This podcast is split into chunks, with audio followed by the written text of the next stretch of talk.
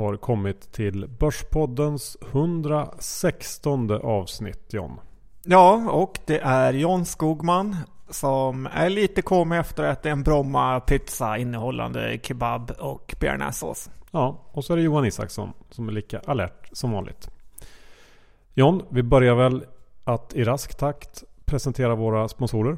Är det DeGiro som är först ut? Men där är Johan, De Giro, De Giro, De Giro som de säger i Holland. Jag antar att ni också öppnade ett konto precis som vi på DeGiro. Och eh, de vill ju bara säga att de tackar för det enorma intresset som de har sedan de öppnade ISK och eh, det har kommit in tio gånger så många kunder sedan de startade med det. Och de här kommer snart bli en spelare man kan räkna med på riktigt allvar. Så gör det du också, öppna ett konto på dyro.se och handla hela världens alla aktier. Härligt John. Och dessutom har vi ju Tessin.se som sponsorer. Tessin håller på med crowdfunding för fastigheter på nätet och eh, som vanligt så har vi en liten fråga till Tessin och den här veckan undrar vi vilka fastighetsbolag det är som egentligen kommer till Tessin och använder sig av deras tjänster. Lyssna här så får ni göra. Egentligen kan man säga att i början så jobbade vi med lite mindre medelstora fastighetsbolag. Eh, nu pratar vi dock med väldigt stora bolag också som, som där de har gemensamt att, att ehm, de vill få hävstång på det egna kapitalet. Eh, så att tidigare när man hade problem med, alltså innan Basel 3-direktivet infördes så har man, kan man inte få lika hög belåningsgrad längre. Så att alla som har ett behov av att stärka upp eget kapitaldelen inför ett förvärv eller i ett projekt är intresserad av en effektiv kanal för att hitta just eget kapital. Eh, och det är det vi vill skapa med Tessin. Så det, det, är inte så att det är eh, liksom mindre, bara mindre bolag utan, utan eh, nu börjar vi komma upp i volym och blir intressanta för, för väldigt många fler. Spännande och eh, ganska roligt faktiskt att även de lite större bolagen vill vara med. Och innan vi kör igång veckans avsnitt så har vi ju några meddelanden från Börspodden Koncernen. Ja, den växer ju mer och mer med den andliga ledaren och spirituella ledaren John Skogman vid rodret så kommer det nya idéer hela tiden. Och Börsjobb.se är numera lanserat för att ni där ute som faktiskt söker jobb inom finans och eh, vill bli något. Du kan vara student, du kan redan vara etablerad. Så in och signa upp dig på nyhetsbrevet på Börsjobb.se eller bara titta vilka tjänster som ligger där. Ja. Ett kanonjobb från Carnegie kan vi säga redan ute. Ja, det är fortfarande lite i beta-mode men eh, vi tycker att det är lika bra. Kör igång direkt så att eh, alla får se vad vi håller på med. Eh, så in och kolla på borsjobb.se. Ja Johan, det börjar bli dags att dra igång hela faderittan. Och är du redo för att riva av några rapporter? Yes sir.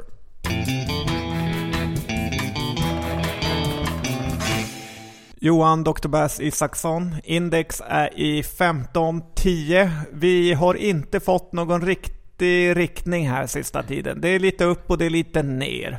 Och eh, hur känner du dig? Ja, men det där eh, känner jag igen mig John. Jag sa ju förra veckan att jag skulle ta in min kortning om vi stängde över 15.10 och det gjorde vi. Så jag fick ta stoppen. Sen kortade jag om lite grann här i början på veckan. Men det har jag också tagit in nu. Så att jag är lite rådvillig om vart vi ska på kort sikt. Eh, på ett sätt kan jag bli lite orolig för, för att jag tycker att det verkar som att väldigt många är inställda på uppgång nu. Och att eh, det inte kan gå ner fram till jul. Samtidigt så har jag själv också mer aktier än vi haft på väldigt länge.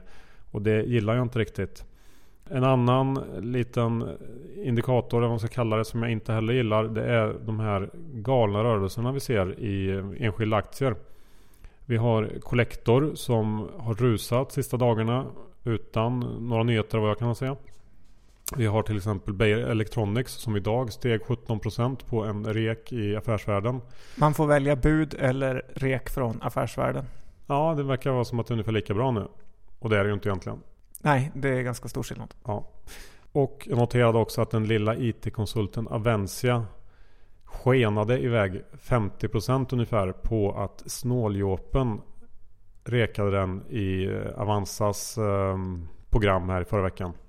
Ja, det är extremt märkligt. I grund och botten tycker jag ju att eh, snåljåpen borde gå ut och säga att han inte tycker den är värd eh, mer och har sålt in i det här flödet för att eh, folk ska få sig en liten näsbränna och inte bara köpa hejvilt. Ja. Och du har också spanat in några sektorer som eh, har ballat ur. Ja Johan, vi måste ju prata lite grann om bränsleceller när den håsen har fullständigt ballat ur. Det är konstigt då i stort sett allt med energi, typ olja, kol, Fortum, Studsvik med mera går dåligt. Det här måste vara en extrem övervärdering av bränslecellerna. Mingesto som ska syssla med tid, vatten, energi är ju en raket som har dubblats på bara några dagar. Till och med MyFC har hängt med i det här rallyt. Vi som kommer ihåg lite grann kommer ihåg Morphic som var på börsen för några år sedan. De jobbade med bränsleceller och den här hade också en liknande hype då aktien gick från 5 kronor till över 30 spänn. För att sedan sluta i absolut eh, katastrof och det närmaste konken. Jag förstår inte hur folk bara kastar in sig i de här härvorna. Framförallt på dubblingar och tripplingar. Det är dömt att misslyckas och jag tycker lite synd om dem som bara köper. Det för mig in på nyteckningar Johan. Där har vi också en enorm hås. Det är otroligt hur vissa bolag går. De svenska småspararna känns helt frikopplade från resten av världen. Otroligt eh, hur bolag kan komma in på börsen, dubblas, tvådubblas, tripplas Typ Hamlet som med teckningsoptioner i det närmaste har femdubblats sedan den gick in på börsen. Och det är någon typ av mini bolag Visst, teckna och sälj, det kan vara en affärsidé. Men ni som köper när bolag har nått upp till de här nivåerna, ni kommer att förlora pengar. Det är inte så att teckningsinstituten ger bort pengar till småspararna utan de har också gjort en värdering innan de tar ut det här bolaget på börsen. Och man får komma ihåg att ofta är börsen någon typ av sista avlastningsplats när alla riskkapitalbolag valt att eh, säga nej. Ja, det var en bra poäng John.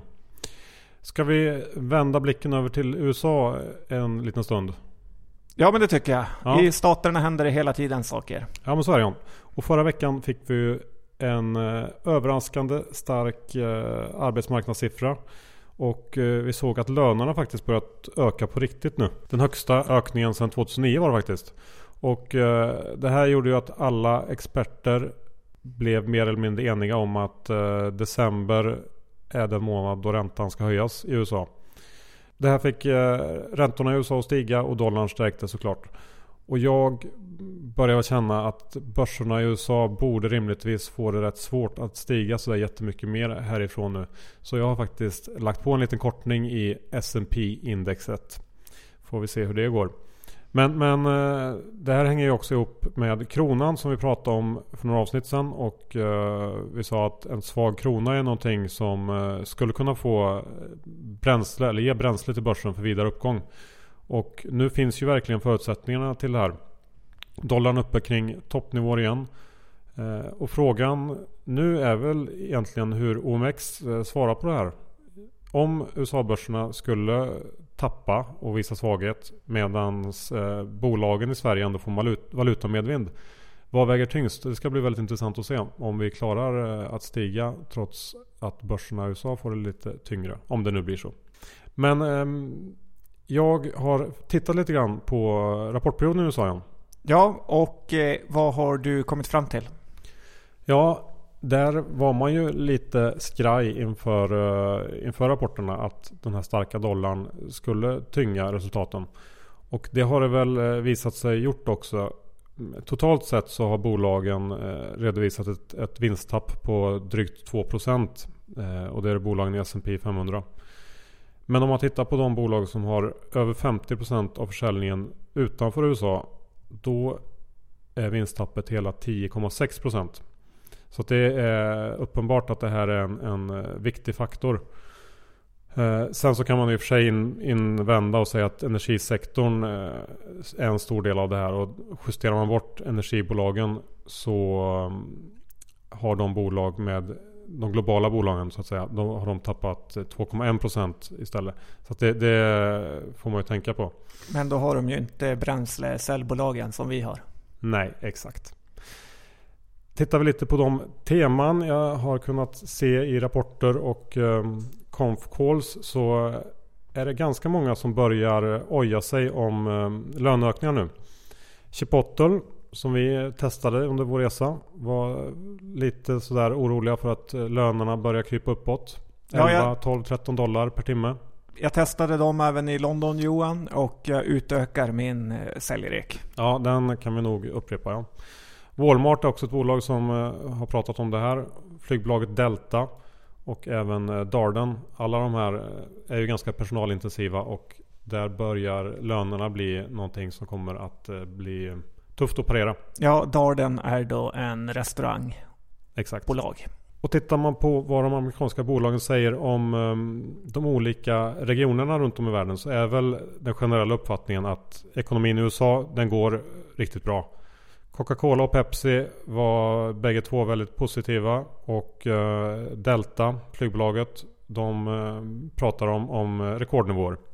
Så att, eh, ja, det verkar tuffa på bra där och det talar väl också för att den här räntehöjningen är rimlig. Den bild av Europa som jag har kunnat eh, urskilja är väl ungefär densamma som vi har sett på slutet. Det går sakta, sakta framåt. Eh, vissa delar är bättre, västra Europa, medan de här södra delarna är lite sämre. Nike till exempel pratade om ett great quarter i västra Europa. Men sa att det var lite segare, segare i de södra delarna. Och i Kina, som ju varit i fokus på slutet, så tycker jag att det verkar vara en ganska mycket mer mixad bild. Eh, Young Brands som vi har pratat om en del i podden tappade 25% av ebit i Kina under kvartalet. Eh, och samtidigt så växte bolag som till exempel Nike och eh, kryssningsbolaget Carnival eh, väldigt starkt. Så att eh, det verkar vara svårt att hitta någon jättetrend där. Men eh, det är helt klart lite tuffare i Kina då. Ja, Yum Brands har ju lite tufft med sina KFC-restauranger. Kanske Scandi Standard kan hjälpa till.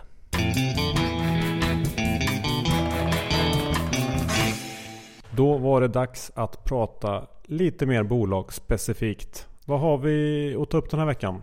Ja, det är fortfarande strösslat in en hel del rapporter. Både amerikanska som svenska.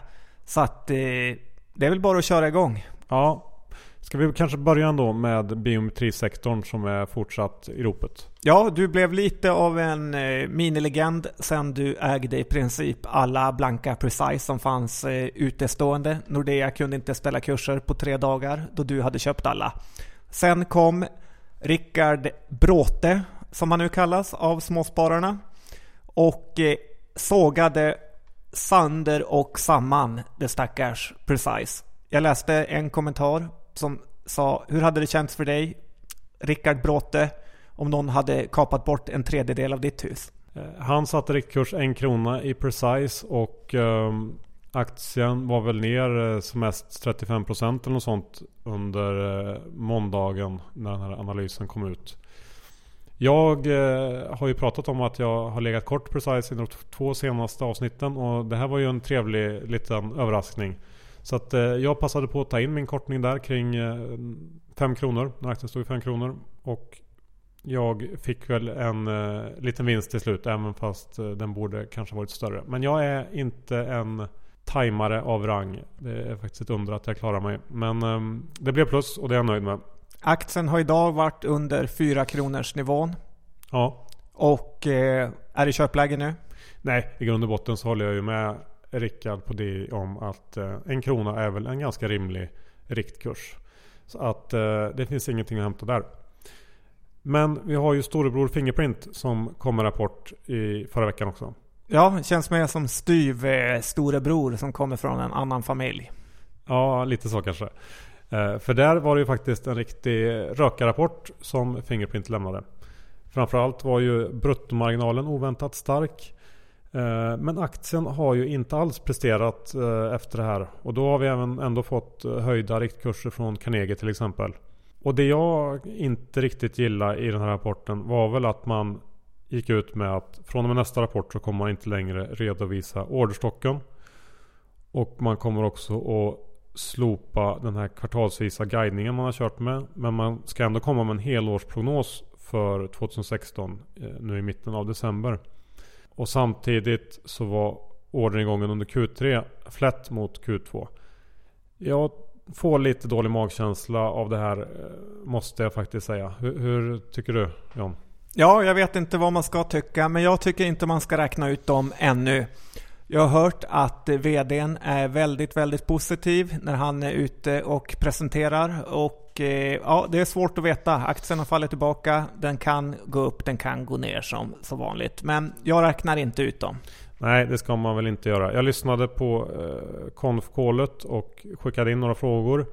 Eh, framförallt kring det här med eh, orderstocken. Och eh, jag köper inte riktigt hans förklaring till varför man slopar eh, orderstocken och visar hur stor den är. Han menar på att eftersom man inte längre kommer att guida kvartalsvis så ska man inte heller redovisa orderstocken för att det kan få folk att tro det ena eller det andra om nästa kvartal. Tycker att det låter lite konstigt och det finns ju många storbolag som går ut med sin orderstock utan att guida inför kvartalen. Så att jag förstår inte riktigt varför Fingerprint inte skulle kunna göra det. Vi har ju samtidigt också hört att det har varit en del smarta pengar som köpt in sig i Fingerprint på slutet John. Ja, jag har investerat eh, lite. Ja, jag syftar på lite andra. Uh, och även att det ryktas om att Samsung kanske är på väg över som kund. Och skulle det hända så skulle det vara jackpot såklart. Så att det här bolaget kommer nog fortsatt att uh, engagera de flesta på börsen gissar jag. Ja, absolut. Ska vi gå över till ett annat bolag som har varit en av dina absolut största favoriter John. Men som har fallit lite i glömska den sista tiden. Jag tänker på Cloetta. Ja, och eh, faktiskt med rätta att det här bolaget har eh, fallit i glömska. Det var en ganska trist eh, rapport. Det tuffar på, men det är inte mycket mer. De växer inte särskilt mycket och eh, här kan man inte räkna med några underverk. Det är en stabil business som kanske värderas lite lägre jämfört med de internationella päronen. Den har, den har såklart en plats i en långsiktig portfölj, men det är ju kanske Fingerprints motsats. Du ser helt enkelt inga triggers kanske man kan säga på kort sikt? Nej men det är rätt eh, översatt till aktiespråk Johan. Ja. En aktie som har fullständigt exploderat på uppsidan sista tiden är ju det lilla spelbolaget Cherry. Ja, körsbäret Cherry har verkligen gått bra. Men nu tycker jag att aktien har gått för långt. Tillväxten är inte särskilt stor organisk utan det är deras förvärv som levererar. Grattis ni som hakar på Labull för den har ju dubblats på den här nivån. Jag skulle ta hem vinsten här men å andra sidan så köpte jag den inte ens när det begav sig så vem är jag att ge råd om Cherry? Ja, ska vi vända blickarna till en annan liten blomma på börsen John? Magnolia. Magnolia, bostadsutvecklaren och eh, de här bolagen är inget jag vill ha på min eh, lista. För det är ju så Johan, de här bolagen vill bara ha och ha pengar och inte ge ut till sina aktieägare. Det är väldigt svårt att följa resultatet och eh, kassaflödet. Jag och 4020 skulle nog inte gilla de här bolagen. De här, då tänker du på kanske Oscar Properties och Bestcab och... Consent. Just det. Och Magnolia. Ja, man får tänka på att redovisad vinst alltid skiljer sig från kassaflödet. Så att man får helt enkelt lita väldigt mycket på ledningen för att våga investera i de här bolagen. Ja John, jag, jag, kan väl hålla med dig mer eller mindre där. Och jag har själv problem att veta hur, hur jag ska värdera ett sånt här bolag som består av en stor projektportfölj. Vad sätter man för värde på det och hur värderar man kompetensen? Det är eh, lurigt tycker jag. Det är klart att det går att hitta värde men eh, det är nog ingenting för mig heller. Finns det någonting positivt då som du ser med de här? Ja, det skulle vara att eh, man slipper de här eh, gamla gubbarna som finns i alla gamla bostadsrättsföreningar. Framförallt eh, alla portkoder som är rätt störande Johan. Är du utelåst i Stockholms innerstad så kan du testa portkoden 1066 som är slaget vid Hastings har jag för mig. Helt rätt, du kan din historia. Och även en annan extremt populär eh, portkod är året 1632. Och vad är det? Ja, nu ska jag tänka efter. Var det slaget vid Lützen? Precis Johan, Sveriges största seger. Och jag snackade med en hantverkare som sa att ungefär 30% av alla trappuppgångar i Stockholms innerstad har någon två av eh, de här två port portkoderna. Så tack alla gubbar! Bra tips där John. Jag tänkte att vi skulle prata lite om nischbanken Collector. Kanske även dess kollegor, men framförallt Collector.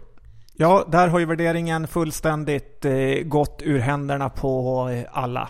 Ja, den här aktien var upp nästan 20% i fredags, 5% i måndags och aktien har faktiskt dubblats på bara några månader. Låter ju som något du kan vara kort. Ja, det är väl inte en helt dum idé tror jag. Jag har faktiskt svårt att förstå vad som är så fint med detta bolag. Eh, visst kom de med en fin rapport. Eh, lånetillväxten var högre än väntat. Men eh, det här är väl ändå inte en marknad som kan växa precis hur mycket som helst. Och dessutom är det väl inte heller så att bankerna inte vill låna ut. Utan som jag ser det så får väl den här typen av bolag de kunder som bankerna inte vill ha. Och det finns en ganska god anledning till varför de inte vill ha dem. Collector väntas tjäna ungefär 3,30 per aktie i år och 4,30 per aktie nästa år. Vilket då innebär på dagens kurs att man betalar P 40 på årets intjäning och P 31 ungefär på 2016. Ja, även om du halverar de där siffrorna så skulle inte jag tycka att det känns attraktivt John. Nej, du glömde kanske Erik Selin, multiplikatorn som alltid ger gånger två. Mm, jag glömde det. Men som sagt, det där är Sveriges subprime-bolag. Ska vi prata lite Cellavision? Cellavision, Cellavision, det kan vi prata om. De kom med en fin rapport. Det här är ett annat bolag jag aldrig har följt med trenden på. Och eh, jag säger det igen, jag skulle inte köpa bolaget nu utan mitt argument för att eh, inte köpa är att det är veterinärdelen som står för väldigt eh, mycket intäkter och om det skulle avta så växer inte huvuddelen särskilt mycket alls. Jag står utanför men återigen har jag stått utanför hela vägen. Ja, där ser man. Jag tyckte det såg ut som en rätt fin rapport. Så att det eh, känns som att vi har haft ganska mycket fel där. Men eh, så är det. Man har ofta ganska mycket fel på börsen. Kan man ju påminna om. Ja, tack för att du säger det Johan. Även portföljen vet om det. Ja. Ska vi gå över till eh, ett annat felämne. Telia och Peter Benson. Vem är det som har rätt egentligen? Du eller Fingerprint-hataren Peter Bensin? Ja, nej, men jag hörde faktiskt en lite kul nyhet att, att Peter skulle få öppna upp eh, Muddy Water Stockholms kontor här i, i slutet på december. Så det ska bli skoj. Men om vi ska gå till den här Telia-frågan och eh, sättet att räkna på som vi har eh, ältat lite för mycket i de senaste avsnitten. Så eh, skickade vi en förfrågan till Peter i förra avsnittet om att han skulle visa hur Muddy Waters hade räknat ut sin nettoskuld på Telia. Och vi får ge honom en eloge. Han lyckades gräva fram det. Tydligen så eh, räknar Muddy Waters nettoskuld på ett alldeles eget sätt. Och det är ju skönt att göra om man vill få en uträkning att bli som man vill. De eh, lägger till delar i skulden som Telia inte räknar och de drar ifrån tillgångar som Telia räknar som tillgångar. Till exempel obligationer som man kan sälja när som helst och som man väl egentligen kan likställa med kassa. Men Madde tycker inte att det är kassa eller värt något. Eh, det kan man ha olika åsikter om. Jag tycker att vi bara lämnar det här. De räknar på ett annat sätt helt enkelt. Eh, jag håller inte med och jag tror att de har fel. Dessutom så tror jag inte att det spelar någon roll alls för att jag är ganska säker på att Muddy Waters inte har något intresse alls kvar i den här aktien. Jag tror att de har tagit hem, tagit hem alla kortningar. Eh, jag tror fortsatt på att det bara var en skrämselattack från deras sida. Eh, men nu kommer vi inte prata om Telia mer på många avsnitt John. Nej, men bara en slutlig kommentar. Är det fortfarande ett köp? Ja, jag har fortfarande Telia-aktier och eh, kan tänka mig att öka. Eh, så att jag har kört på den ja. Bra att veta. Sen har ju Troax kommit med en rapport. De som gör burar för robotar för att skydda människor. Och eh, storägaren sålde ut nästan 20% ur det här caset. Det här är ett bolag man kan sitta och eh, hänga med säger jag. Men det är inget som kommer go bananas. Ska vi ta och titta lite på Mekonomen som kommer rapport idag? Ja, rapport idag som du sa. En besvikelse faktiskt. Och det är ju så här. Halva ledningen som är relativt ny är ju nyrekryterad från Coop. Det är lite som att eh, Brasilien skulle börja värva spelare från Liechtenstein. Jag förstår inte varför man tar ledningspersonal från kanske Sveriges mest eh, misskötta verksamhet till ett eh, fint bolag som Mekonomen. Egentligen borde det vara en plump i protokollet att ha jobbat på Coop och inte en merit som gör att du får bättre jobb. Jag är lite orolig vart det här bolaget är på väg med sin nya ledning. Å andra sidan kan man säga att det var mest valutor som gjorde att eh, bolaget inte levde upp till förväntningarna och att analytikerna räknat lite för högt. Ingen ko på taket, men här ändå några tänkvärda punkter. Försäljningen var ju faktiskt helt okej okay ändå. Men den norska kronan är väl lite boven i dramat. Precis. Sen måste vi titta på späckbolaget Anoto Johan. Ja, den digitala pennan har eh, ju varit i ropet då och då sista åren. Och nu är den i ropet igen. Ja, det är november som jag sa för några avsnitt eh, sen. Och då gör Anoto nyemission. Nu är det november och de gör nyemission. Jag har alltid tyckt att det här är ett eh, riktigt dåligt bolag. Jag kan inte se egentligen vad bolaget har att komma med.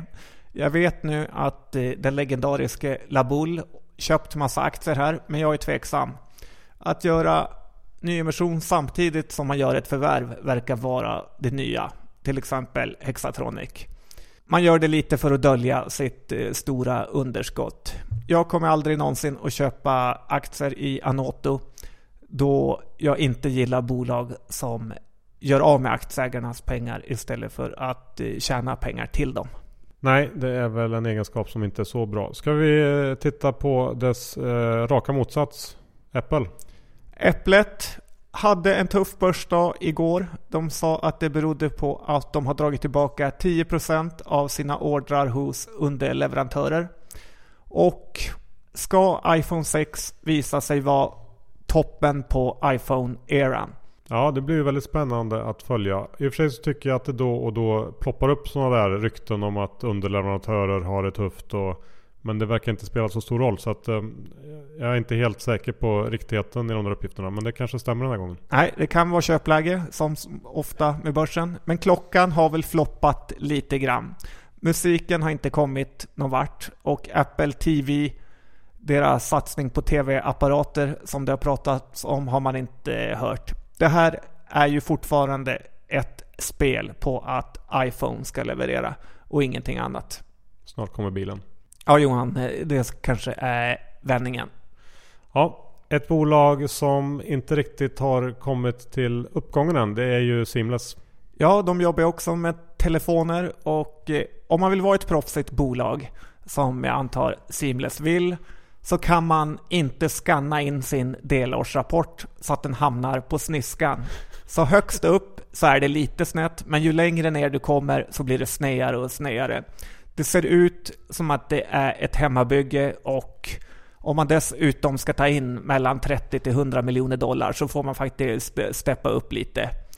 Jag gillar Seamless-grejen men vi har ju fått rapporter på Twitter att eh, väldigt många McDonalds har de här etiketterna QR-koderna uppe men att eh, ingen i personalen vet hur man eh, använder det.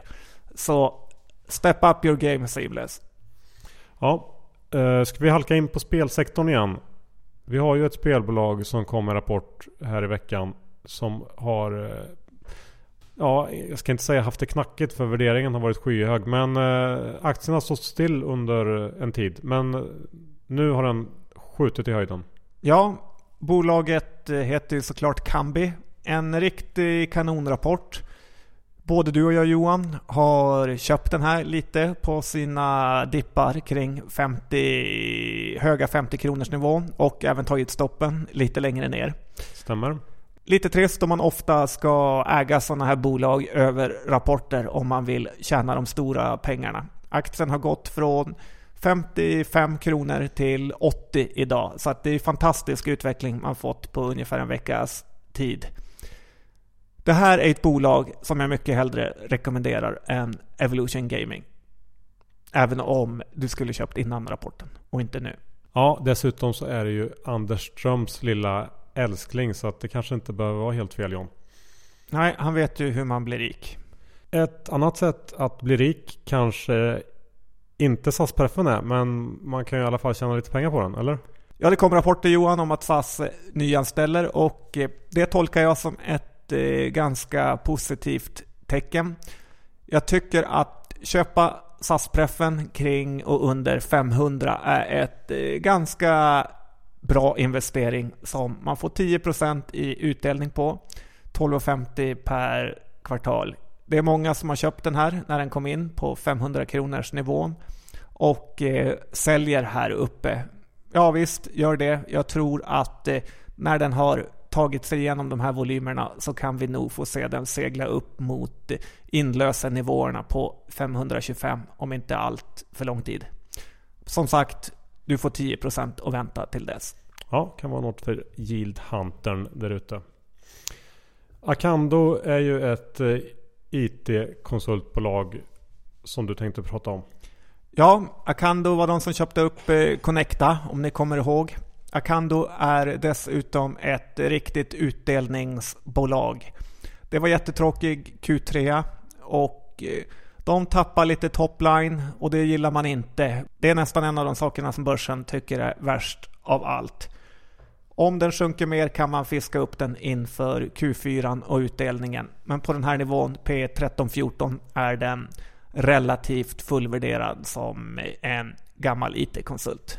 Ja, det håller jag verkligen med om. Det kan man nog vänta lite med. Ska vi avsluta med något kul John? Valiant. Ja, jag har en person som jag vet jobbar på Valiant. Han säger att eh, det är köpläge.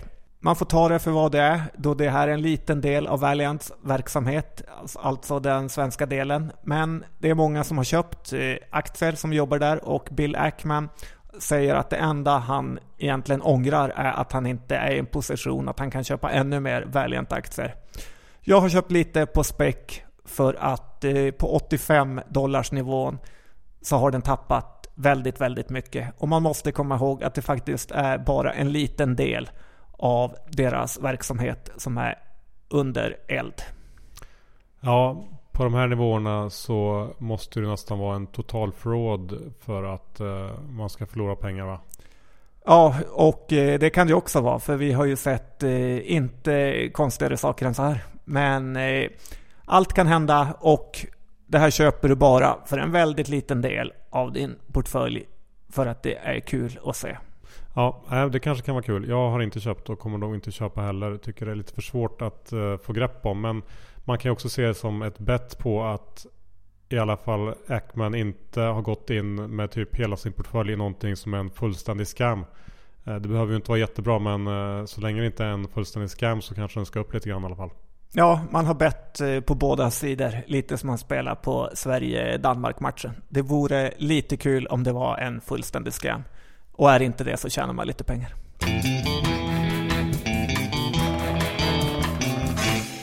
Avsnitt 116 till ända. Tycker att det var ett trevligt litet avsnitt John. Ja det var det. Pizzakoman börjar lämna mig lite. Ja, skönt. Eh, innan den lämnar dig helt så ska vi presentera eller tacka vår sponsor DeGiro. Ja, gör som typ alla andra redan har gjort. Öppna ett konto hos DeGiro. De har väldigt mycket roliga möjligheter. Ja, och nästan gratis handla aktier. Och är ni intresserade av fastigheter och kanske vill börja någon slags karriär som till slut mynnar ut i en ny Erik Selin. Ja, då ska ni titta på Tessin.se, vår andra sponsor som håller på med crowdfunding för fastigheter på nätet. Surfa in på deras hemsida och anmäl er på nyhetsbrevet så kan ni kolla in deras projekt löpande. Och kom ihåg, vår nyöppnade jobbsajt. Är du arbetslös, in på börsjobb? börsjobb.se. Men du kan också gå dit om du har ett jobb och vill ha ett bättre jobb. Ja, och framförallt, eller kanske inte framförallt, men även om eh, du vill annonsera om jobb. Eller bara få ut din jobbannons helt enkelt. Ja, skriv upp er på nyhetsbrevet så kommer ni ha en lysande karriär framför er. Gör så. Och bokklubben rullar på som vanligt. Ja, tack Avanza-mannen. Din bok sålde som smör. Såklart. Tack så mycket för att ni lyssnade. Nej förresten. Disclaimer John. Ja, jag äger lite SAS-preffar. Cloetta har jag tradat fram och tillbaka och vet inte riktigt hur jag ligger vid den här positionen. Men det är en eh, svajig position som ni inte behöver oroa er jättemycket för. Nej. Eh, Ja, jag kan ju flika in att jag äger Telia då. ja, och så fortsätter jag med min Valiant. Köp och Inga Kambi, inga Seamless. Apple. Nej. nej. Och det framgick väl att jag tog in min kortning i Precise också förra veckan. Så att ja, Så nu har jag flängt ut oss nog för svenska folket. faktiskt. Eh, Så för att återgå till avslutningen. Tack så mycket för att ni lyssnade. Vi hörs om en vecka igen. Tack och hej.